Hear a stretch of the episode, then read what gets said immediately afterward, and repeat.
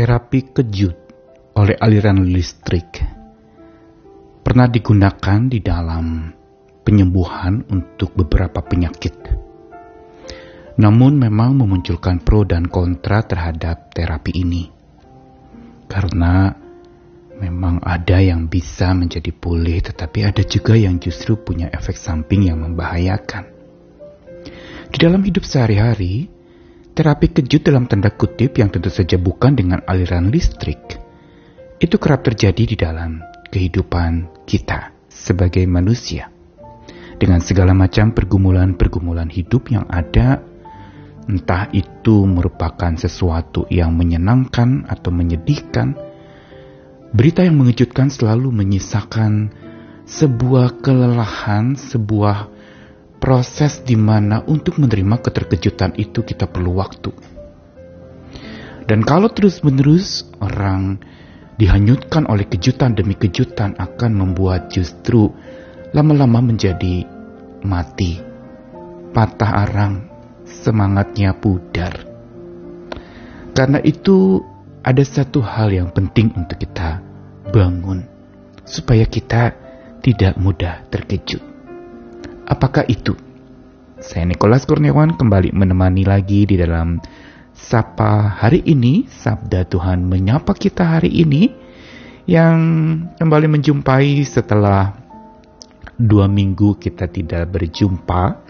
Kali ini dari ulangan pasal 28 ayat yang ke-45 sampai 67 tapi saya hanya bacakan beberapa bagian dari ayatnya ini karena begitu panjang mulai ayat 45 sampai 48, lalu 58 dan 59 dan 65 sampai 67. Demikianlah sabda Tuhan.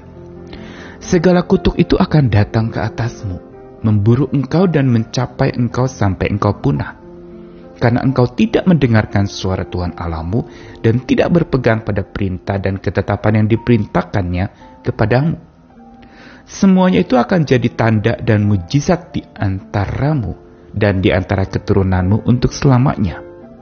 Karena engkau tidak mau menjadi hamba kepada Tuhan Allahmu dengan sukacita dan gembira hati walaupun kelimpahan akan segala-galanya, maka dengan menanggung lapar dan haus dengan telanjang dan kekurangan akan segala-galanya, engkau akan menjadi hamba kepada musuh yang akan disuruh Tuhan melawan engkau. Ia akan membebankan kuk besi ke atas tengkukmu sampai engkau dipunahkannya. Jika engkau tidak melakukan dengan setia segala perkataan hukum Taurat yang tertulis dalam kitab ini dan engkau tidak takut akan nama yang mulia dan dahsyat ini, yakni akan Tuhan Allahmu, maka Tuhan akan menimpakan pukulan-pukulan yang ajaib kepadamu dan kepada keturunanmu, yakni pukulan-pukulan yang keras lagi lama dan penyakit-penyakit yang jahat lagi lama. Engkau tidak akan mendapat ketentraman di antara bangsa-bangsa itu dan tidak akan ada tempat berjejak bagi telapak kakimu. Tuhan akan memberikan di sana kepadamu hati yang gelisah, mata yang penuh rindu dan jiwa yang merana. Hidupmu akan terkatung-katung siang dan malam engkau akan terkejut dan khawatir akan hidupmu. Pada waktu pagi engkau akan berkata, Ah, kalau malam sekarang. Dan pada waktu malam engkau akan berkata, Ah, kalau pagi sekarang karena kejut memenuhi hatimu dan karena apa yang dilihat matamu. Ulangan pasal 28 memang memuat dua bagian besar yang mencantumkan satu tentang berkat, ada ayat-ayat yang menceritakan tentang kenapa orang bisa diberkati karena dia mendengarkan suara Tuhan. Sebaliknya kutuk itu sebaliknya orang yang tidak mendengarkan suara Tuhan akan mendapatkan kutuk. Apa yang tertulis ini sebenarnya sebuah peringatan dari Tuhan yang sangat baik. Bukan Tuhan itu adalah Tuhan yang mengutuki, tapi justru Tuhan yang tegas dan bisa mendisiplin. Sehingga ada sebab dan ada akibat. Apa sebabnya? Seseorang akhirnya lalu mengalami berbagai macam musibah atau berbagai macam peristiwa-peristiwa yang buruk. Bisa jadi karena memang dia tidak mendengarkan suara Tuhan. Tapi bagaimana seseorang bisa penuh berkat dan terus limpah berkatnya?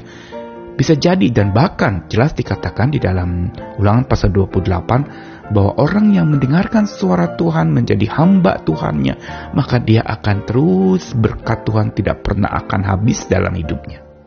Sebaliknya, orang yang hidup dalam kutuk, orang yang selalu tutup telinga, tidak mendengarkan dan tidak jadi hamba Tuhan, maka dia menjadi hamba dunia ini.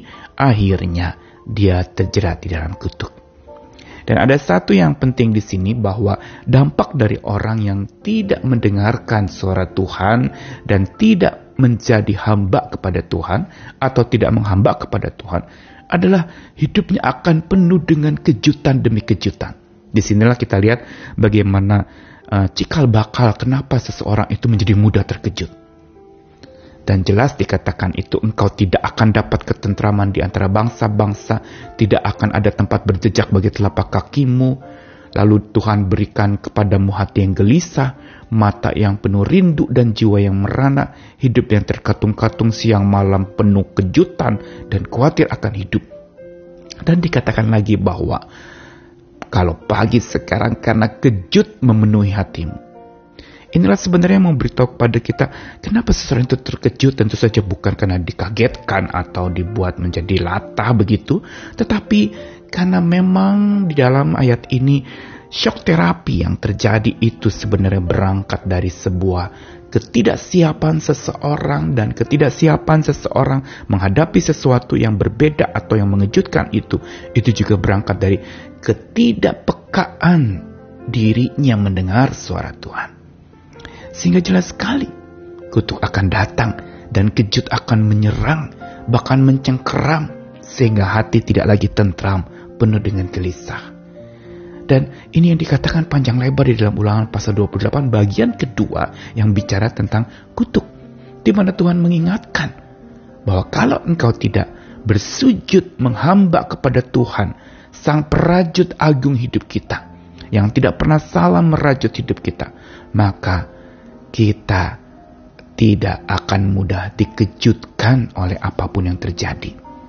Ini yang mau dikatakan secara rangkuman atau ringkasan dari ulang pasal 28 bagian akhir yang memuat tentang kutuk. Mau mengajarkan dan mengingatkan kita. Jangan sampai abai sebuah tabiat bersujud di altar Tuhan. Sebuah tabiat hati yang terus takut akan Tuhan sebuah tabiat di mana hidup selalu mengikut Tuhan. Sujud, takut, dan ikut. Sujud kepada Tuhan berarti beribadah kepadanya, menyembahnya, dan menyadari kita hamba dia Tuhan kita. Dia pegang kendali atas segalanya dan bukan kita yang pegang kendali. Dan kita tidak bisa pegang kendali. Karena kita serba terbatas.